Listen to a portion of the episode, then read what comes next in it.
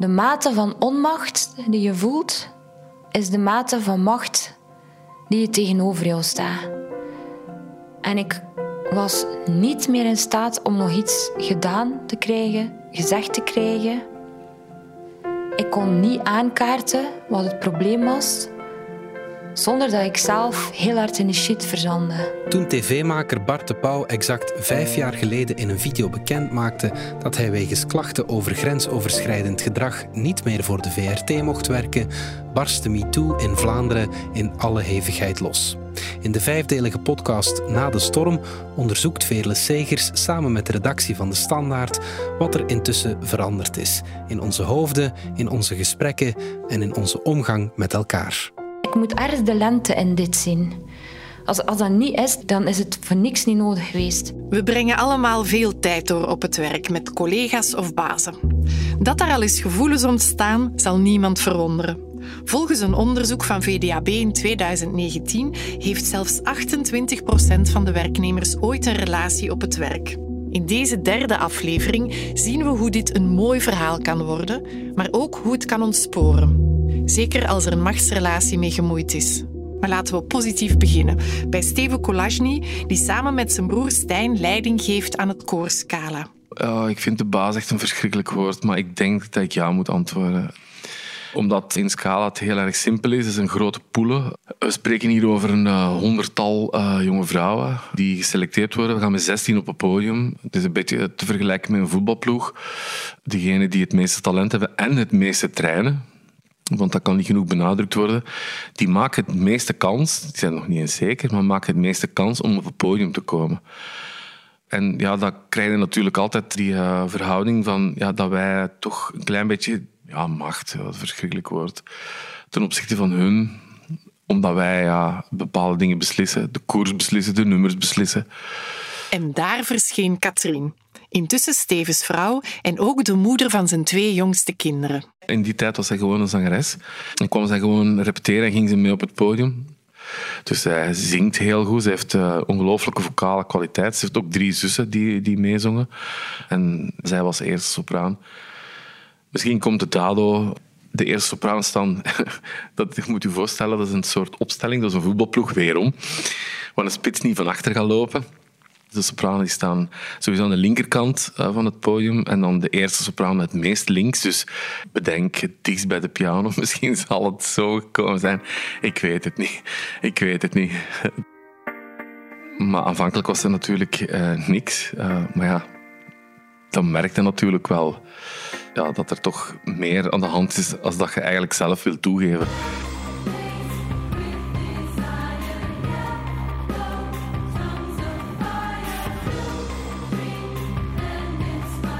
Ja, en dan ja, is er die, die leuke en ook een klein beetje vervelende momenten tegelijkertijd. En dan speelde het natuurlijk ook mee dat ik dat tegen Stijn moest gaan vertellen. Want ja, dat was dan natuurlijk iemand die hij ook goed kende. Ja, niet alleen goed kende, maar tegenover hem stond om mee te repeteren. En ja, de relatie in Scala zou kunnen beïnvloeden.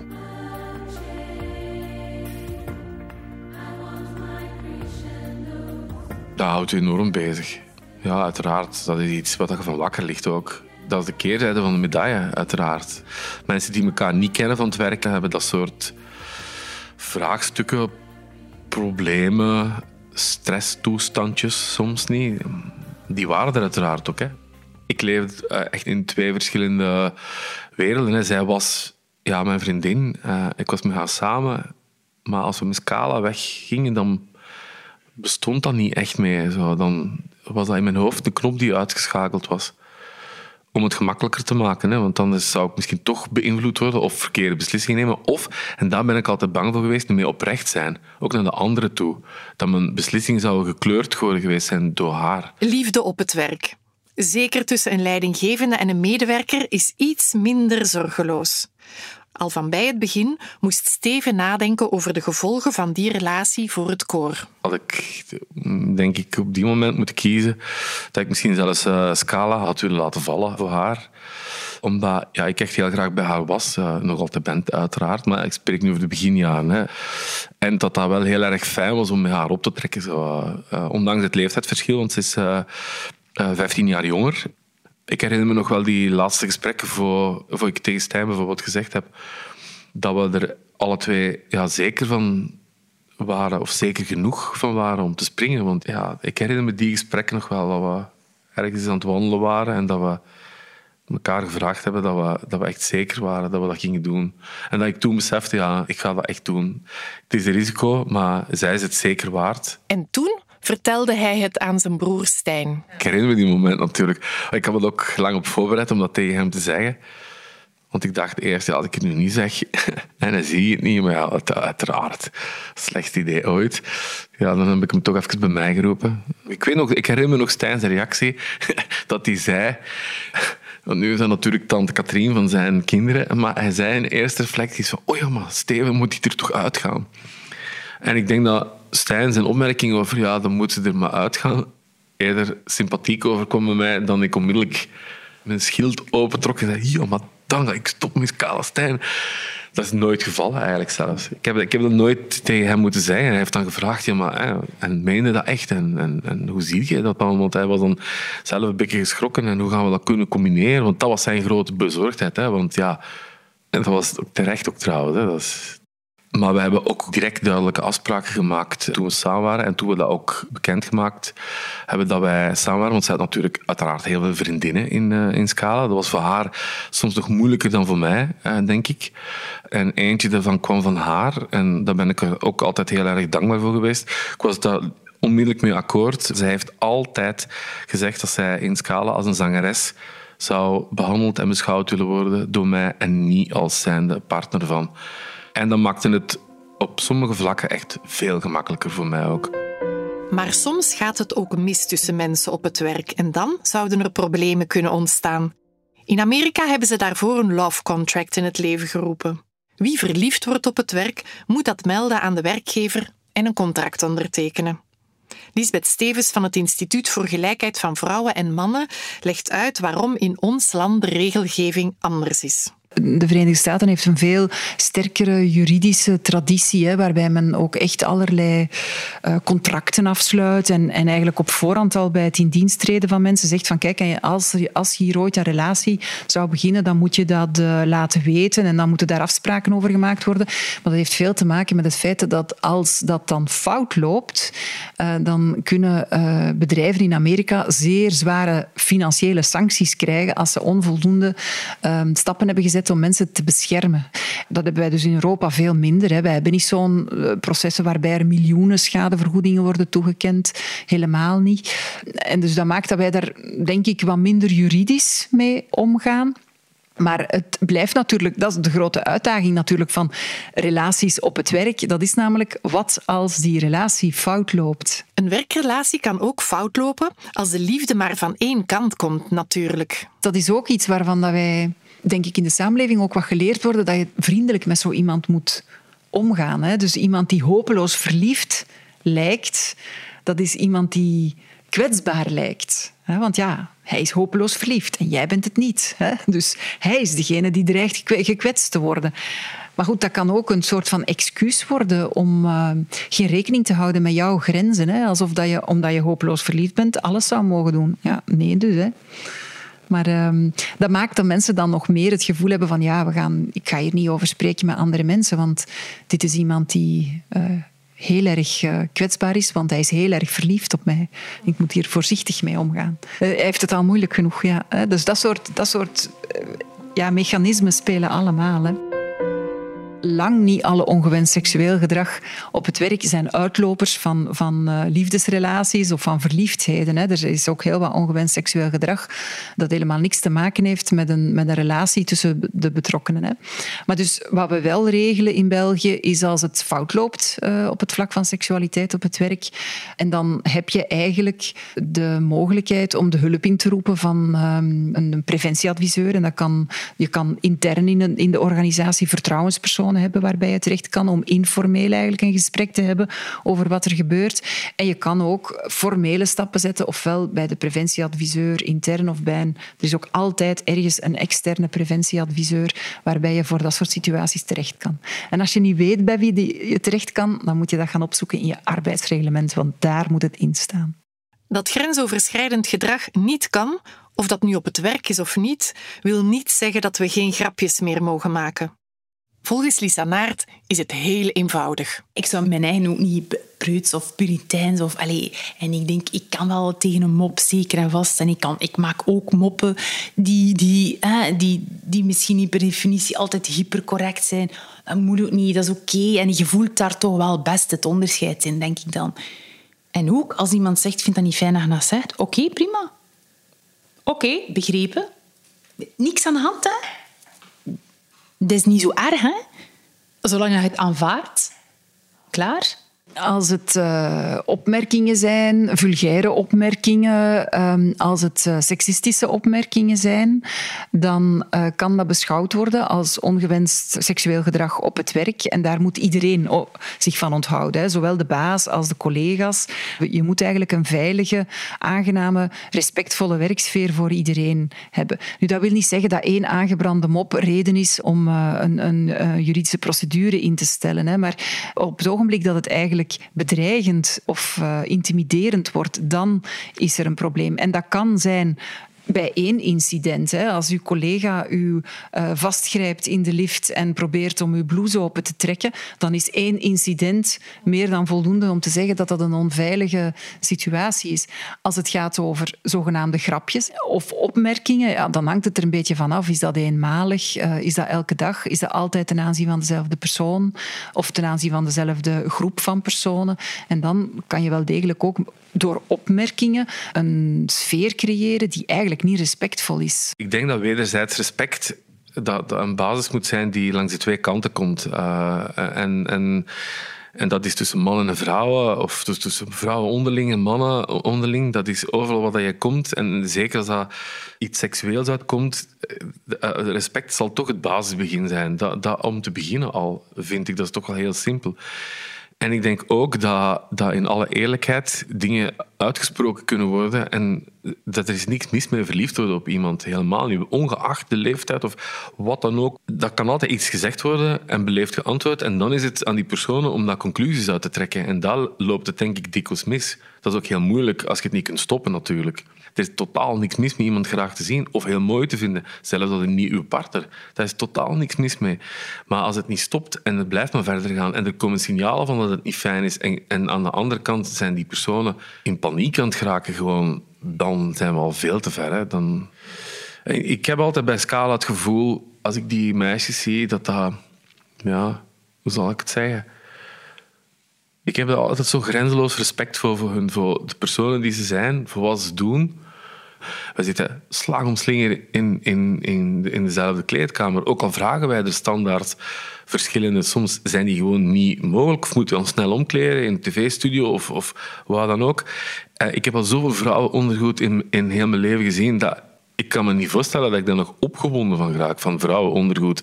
Maar er is wel één ding dat heel belangrijk is. Als ze zich beginnen omkleden, zal ik altijd ervoor zorgen dat er geen vreemde mannen binnenkomen. Want het is, sorry dat ik het zeg, het is ongelooflijk grappig hoe snel de deuren opengaan van welke zaal of plaats of festival we ook zijn. En de lokale crew of wat dan ook, of techniekers, of camionchauffeurs of cateraars binnenkomen, die plots dan toch massaal aanwezig zijn. En die gewoon echt beginnen staren. Ik vind dat verschrikkelijk.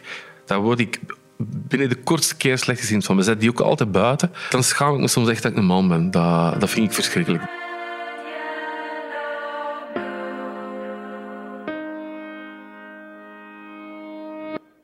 Leidinggevenden kunnen zich nog minder permitteren op de werkvloer dan collega's.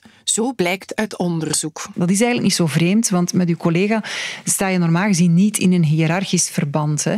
Ook daar is het heel duidelijk dat eigenlijk de meerderheid van de mensen aangeeft dat ze geen expliciet seksuele voorstellen willen krijgen van hun collega's. Hè. En dat zelfs uh, er best wel wat mensen zijn die het niet fijn vinden om zomaar ongevraagd aangeraakt te worden op hun rug of op hun schouder of zo. Dus ik zou zeggen, voor collega's onder elkaar is de belangrijkste tip die ik zou kunnen geven van uh, kijk een beetje verder dan de louter verbale reactie van je collega. Stel dat jij pakt iemand bij de schouder vast en je bedoelt dat heel vriendschappelijk, maar je merkt dat die persoon verstijft. Ja, veeg dat dan niet onder de mat, maar vraag eventjes van oei, ik merk dat je dat precies niet zo fijn vindt. Sorry, het was niet mijn bedoeling om jou in een ongemakkelijke positie te brengen en ik zal het nooit meer doen. En dan leidinggevende, daar zit het nog wel wat complexer in elkaar. En dat is iets dat we eigenlijk al wel vaker vastgesteld hebben, dat er heel wat leidinggevenden zijn die een soort van blinde vlek ontwikkelen voor hun macht, als je het zo wil zeggen, over hun uh, werknemers. Hè. Heel wat werkgevers denken, ja, maar ik ga toch heel joviaal met mijn, met mijn medewerkers om. En we zijn, ik ben hier wel de baas, maar we zijn toch allemaal gelijk? Ja, ja, dat denk jij. Maar jouw medewerker denkt daar misschien wel heel anders over. En het is ook finaal wel zo dat de baas meer te zeggen heeft. Hè. Als er moeten mensen ontslagen worden, ja, dan is het heel vaak de baas die daar een beslissende stem in heeft. Hè. Of als er iemand promotie moet krijgen. Dus het is een beetje naïef van leidinggevende om te denken dat je zomaar op hetzelfde niveau kan staan als je medewerkers. En dus dat moeten mensen die leiding geven heel erg in hun achterhoofd houden. Ik denk dat ze best ook in hun achterhoofd houden dat over het algemeen mensen in onderzoek aangeven dat ze van leidinggevende veel minder verdragen nog dan van collega's. Dus die aanrakingen of seksueel expliciete voorstellen, dat willen mensen echt niet krijgen van hun leidinggevende op het werk. Ook niet als grapje. Dus uh, dat zou ik heel erg meegeven als, uh, als aandachtspunt eigenlijk voor leidinggevenden, dat het echt uh, nog moeilijker is om voor, voor medewerkers om open tegen jou te zeggen dat ze wat jij doet niet fijn vinden. En het was net met hun leidinggevende, met Bart de Pauw, dat Lisa Naert en Maaike Kafmeijer in een moeilijk parket belanden. Dat is inderdaad geen vreemde, dat is ook geen, geen baas die in een ivoren toren zit, die je nooit ziet, behalve één keer in het jaar op een bedrijfsfeest. Dat is niet zo. Hè. Dat is iemand die heel dag uh, rond u is en die je kansen geeft en die, die ook dingen zegt als ik geloof in u, ik ga je helpen. Die ja, die zegt dat ook. Hè. Dus je gelooft dat ook, je neemt dat ook aan, je wilt dat ook graag aannemen, want hè, je wilt graag spelen en je wilt dat allemaal heel graag. En, en hij is heel getalenteerd en, en, en heel populair. Je kijkt daar naar op, gelijk heel veel andere mensen. Ja, dat is heel moeilijk, hè. Want er is niets mis met een compliment krijgen. Hè. Je hebt het goed gedaan, je hebt goed gespeeld, je bent, het was een goede dag vandaag. Dat is allemaal tof. En ineens gaat het dan over je uiterlijk en dan denkt je ja, oké, je registreert dat ergens wel, maar denkt van, ah ja, allee, dat is alles behalve zwart-wit. En dat is ook waar dat het spel gespeeld wordt. Hè. Ja, uiteraard, dat is de meest, de meest dankbare domein om dat soort dingen uit te voeren. Heel subtiel en heel langzaam en, en met veel aandacht. En, en ja, geveinsd weliswaar, maar ook met, met liefde. En zo alles zit, zit in een bad van liefde en... en warmte en, en tof en, en goed en, en samen en grappig. En, dat, dat, dat, is ook een sfeer die, daar, die dan op de set er ook wel soms oprecht is. Dus dat loopt ook allemaal door elkaar. En je ziet ook, ja, je ziet ook wel mijn leeftijdsverschillen, mijn verschil in ervaring en mijn iemand die ja, al twintig jaar in het vak is en iemand die voor zijn aller, allereerste job heeft. Allee, dat, dat, dat, dat is geen gelijke positie. Hè. Je zegt geen gelijke tegenover elkaar. Dat is gewoon niet zo ontspannen, je krijgt vertrouwen, dan neemt je barrières weg, je natuurlijke uh, voelsprieten voor gevaar of, of situaties die niet oké zijn verdwijnen. Je zit in een situatie die heel gesloten is, in mijn geval, in een set, in in een verhaal, met altijd dezelfde mensen. Je zit aan een soort guerrilla-tv bezig, een soort scouts-aangelegenheid, uh, samenhorigheid. Spannend, samen gaan we ervoor. Door jou wordt dit beter. Prachtig, fantastisch maar het wel een prijs. Heel vaak doen die situaties mij zo ook denken aan het verhaal van de kikker die in een, een kom water zit. Als een kikker in een hete kom water wordt gegooid, ja, dan springt hij er meteen uit, want dan heeft hij onmiddellijk door van dit is niet oké. Maar als een kikker in een kom water zit die op het vuur staat en die langzaam opgewarmd wordt, dan blijft hij gewoon zitten totdat hij gekookt is. Ja, dat is ook een beetje de situatie als je in zo'n toxische omgeving zit. Als het heel erg duidelijk is en heel manifest en onmiddellijk, ja, dan uh, kunnen mensen er makkelijk aan ontsnappen dan als het langzaamaan opgebouwd wordt. Je moet dat gewoon zeggen. Ik heb nooit iets gezegd. Hè? Ik heb er nooit over gesproken. Dat is... Maar goed, het is ook complex, want hij, vraagt dat, hij zegt dat ook van. moet dat tegen iemand zijn. Hè? Dat is tussen ons, want gaan jaloers zijn of, of wat dan ook. Hè? Geeft hem daar een of andere reden aan. Dus je denkt, ah ja, oké, ja, ik, ik versta het, ik kan dat niet doen. Die situatie voelde niet als expliciet bedreigend aan. En dat is ook het probleem. Je voelt ergens in jezelf soms wel dingen die je van dat is raar of dat klopt niet. Maar dan was het meer mijn neiging om dat bij hem, aan hem te zeggen. Want natuurlijk had even goed tegen een blinde muur kunnen zeggen, maar ik wist dat toen niet. Mijn neiging was niet om dat dan tegen mijn collega's te gaan zeggen. Ik, ik dacht, ja, ik moet dat tegen hem zeggen, van ik vind dat niet leuk, of misschien, waarom zeg je dat, of waarom doe je dit? Of, maar dat had nooit... dat kwam niet aan, uiteraard niet. Met eerlijkheid en kwetsbaarheid en communicatie komt er nergens. Wat in een normale menselijke relatie de tools zijn, of de instrumenten zijn om tot hè, consensus of begrip of wat dan ook te komen, werkt niet. Niet. En het is op dat moment, als je begint te beseffen dat dat soort dingen geen enkel effect hebben, dat, dan kom je in paniek. Maar je denkt van ja, ik, eh, wat kan ik doen? Of ik, er wordt niet naar mij geluisterd, ik word niet gehoord en ik heb geen middelen precies om, om daar iets tegenover te zetten. Dus ja, dat is denk ik het moment waarop je beseft van fuck, ik zit hierin vast. Je hebt een mechanisme ontwikkeld om daarmee te kunnen dealen. Hè? Met dit verhaal heb ik proberen te delen. Ik dacht, ik heb dat onder controle. Ik ga dat, dat gaat goed gaan. Ik zal dat gewoon deskundig begraven, daarop springen. En ik dacht, ja, kijk, ik ben een man tegengekomen met de moraal van gekookte kool. Dat is heel jammer en dat, dat doet heel veel pijn. But Ehm, ja, buiten mijn man hè, ehm, weet er dat eigenlijk niemand. En daar kon ik ook wel mee leven. Hij ook. En ik dacht ook van, ik ben misschien wel de motor. Ik, ben, ik, ik was er helemaal door in de war. Mm, maar dat was natuurlijk heel belangrijk voor mij om dat te denken, hè, achteraf gezien. Van, als je alleen bent, dan durf je daar niet over praten. En het is makkelijker de schuld bij jezelf te zoeken. Althans, ja, ik had dat dan. Ik dacht, ja, het is mijn schuld. Ja. Dus ja, we gaan er moeten blijven over, over spreken. En voor een deel zal dat georganiseerd moeten worden door werkgevers of door sensibiliseringscampagnes. Uh, misschien ook, hè, want dat is nogal, dan wordt er nogal gemakkelijk naar het onderwijs gekeken en zo. Maar goed, ook daar zullen die gesprekken gevoerd moeten worden. Maar laat ons ze alsjeblieft ook gewoon aan een toog blijven voeren en onder vrienden. Eh, laat ons te weten komen wat we allemaal zo al meemaken en hoe daarmee omgegaan wordt. Want als het gaat over de heel concrete situaties die mensen meemaken, dan vind ik dat die grijze, die beruchte grijze zone heel vaak verdwijnt. Als mensen weten waar het echt over gaat, niet zo in abstracte termen, want grensoverschrijdend gedrag, dat is op zichzelf al zo'n abstracte term dat niemand zich daar onmiddellijk een beeld bij kan vormen. Maar als je dan vertelt wat er echt gebeurd is, ja, dan is er helemaal niet zoveel discussie hoor. Dus daar moeten we naartoe vertellen wat er echt gebeurd is en dan met elkaar bespreken over hoe dat je daarmee omgaat.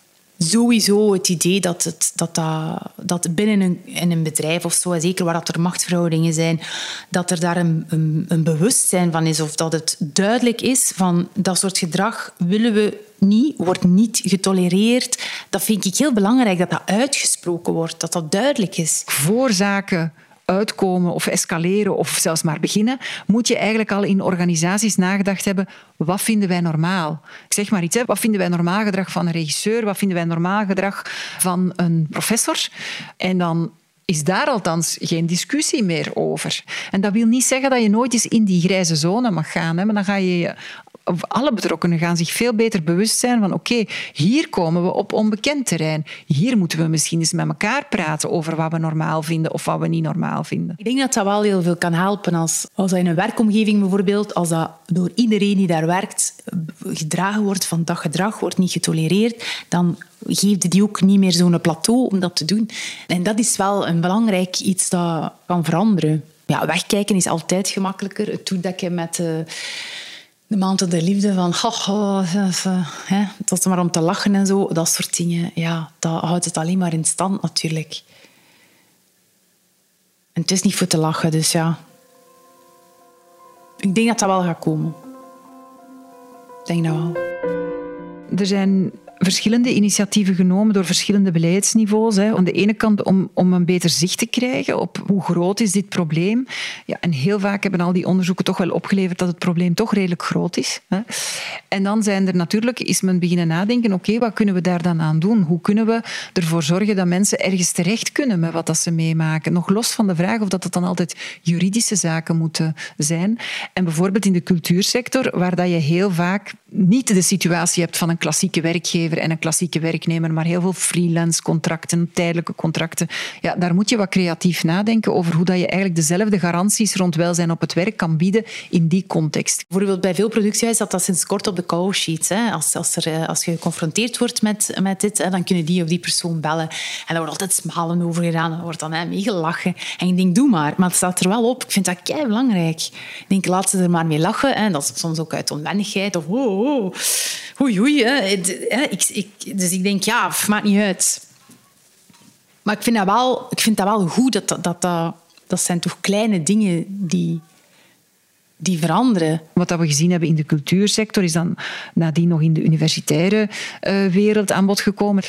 Het, het, verwondert mij niet dat eigenlijk al die sectoren die, die, waar je niet met die klassieke uh, werkgever-werknemersrelatie zit, dat die nu naar aanleiding van dit soort discussies aan het nadenken zijn van ja, maar wat betekent dat nu voor ons? En ik heb daar nog altijd hele goede hoop op eigenlijk, dat juist omdat je dan niet in dat uh, allerstrengste middel van het strafrecht zit, hè, maar eigenlijk in, in het nadenken over welzijn op het werk, dat het mogelijk moet zijn om heel veel van die situaties, om daar eigenlijk de angel uit te halen voor het escaleert.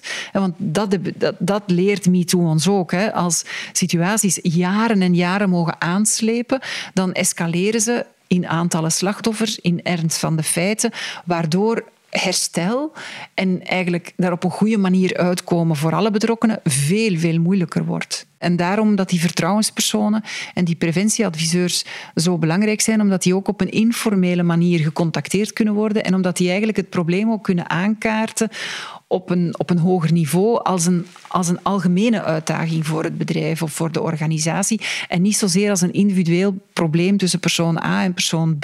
De voorbije jaren werden er naast interne en externe preventiediensten nog andere initiatieven genomen. Onder meer universiteiten, hogescholen en sportverenigingen hebben meldpunten opgericht mijn persoonlijke mening is dat je in al die structuren, of het nu een meldpunt heet of een preventieadviseur, of, je hebt een externe blik nodig. Dat is heel belangrijk. Want dader en slachtoffer zijn, of, of eh, degene waar tegen een melding wordt gemaakt en de melder, ja, die zitten in een groep mensen. En als de personen die die melding moeten behandelen al die betrokkenen kennen, dan is het zeer moeilijk om dat voldoende onafhankelijk te doen lijken. En ik zeg het zo raar, omdat we hebben een heel belangrijke uitdrukking binnen het recht. Justice must not only be done, it must also be seen to be done. En het idee daarachter is, je moet er als rechtsonderhorige absoluut op kunnen vertrouwen dat je, dat je eerlijk en onafhankelijk behandeld wordt. Hè. Dus dat je niet behandeld wordt, of dat de rechter die zich over jouw zaak uitspreekt, dat hij niet eigenlijk ja, sympathieën heeft voor de andere uh, partij. En dat is iets dat we ook heel erg verwachten van, van meldpunten. Echt moeilijk wordt het als een bedrijf of organisatie wordt geconfronteerd met klachten over een van hun topmedewerkers wat moeilijk is voor organisaties, dat is dan wanneer hun, hun uh, goudhaantjes, om het zo even te noemen, hè, dus de mensen die zeer succesvol zijn in wat ze doen, de mensen die zeer veel geld opbrengen, uh, de mensen die um, ja, heel veel uh, erkenning krijgen voor, voor wat ze doen. Ja, dat zijn de hele moeilijke mensen om op een ander vlak, namelijk op dat van de menselijke relaties, om hen daarop terecht te wijzen als het op dat vlak grondig fout loopt. Want het is een beetje ja, je eigen goudhaantje slachten natuurlijk. En juist daarom is het in die situaties heel belangrijk dat er externe mee aan tafel schuiven. Vaak is het niet nodig dat die externe ingaan tegen wat de interne behandelaars zeggen, maar eigenlijk om die interne behandelaars extra te ondersteunen in hun analyse, ehm, ja, die soms ook heel pijnlijk kan zijn voor de organisatie. Hè. Het is niet simpel om een prof die allerlei prijzen wint aan de deur te zetten. Hè. Of het is niet simpel om iemand die zeer veel, een zeer succesvolle bankier, om als bank te zeggen, mm, we gaan u toch naar de uitgang begeleiden, want de manier waarop dat jij met medewerkers omgaat is onaanvaardbaar. Dus dat is best een moeilijke oefening voor een organisatie. Grensoverschrijdend gedrag op het werk is al meer bespreekbaar geworden, maar we zijn er nog niet dat er heel veel mensen een mening hadden over die zaken die zo uitgebreid in de media gekomen zijn. Ja, dat is, dat is normaal. Dat heeft te maken met het feit dat het over bekende mensen gaat. Je kan dat gesprek niet stilleggen. En het is ook niet nodig om dat gesprek stil te leggen. En ik denk dat er in de marge daarvan heel veel nagedacht is en gesproken is over wat zou ik doen en hoe werkt dat dan. En daar is het denk ik dat je kan voelen hè, als, uh, als slachtoffers eigenlijk een stem krijgen en kunnen vertellen hoe, hoe dat op hen ingewerkt heeft. Daar is het dat mensen kunnen begrijpen hoe dat werkt.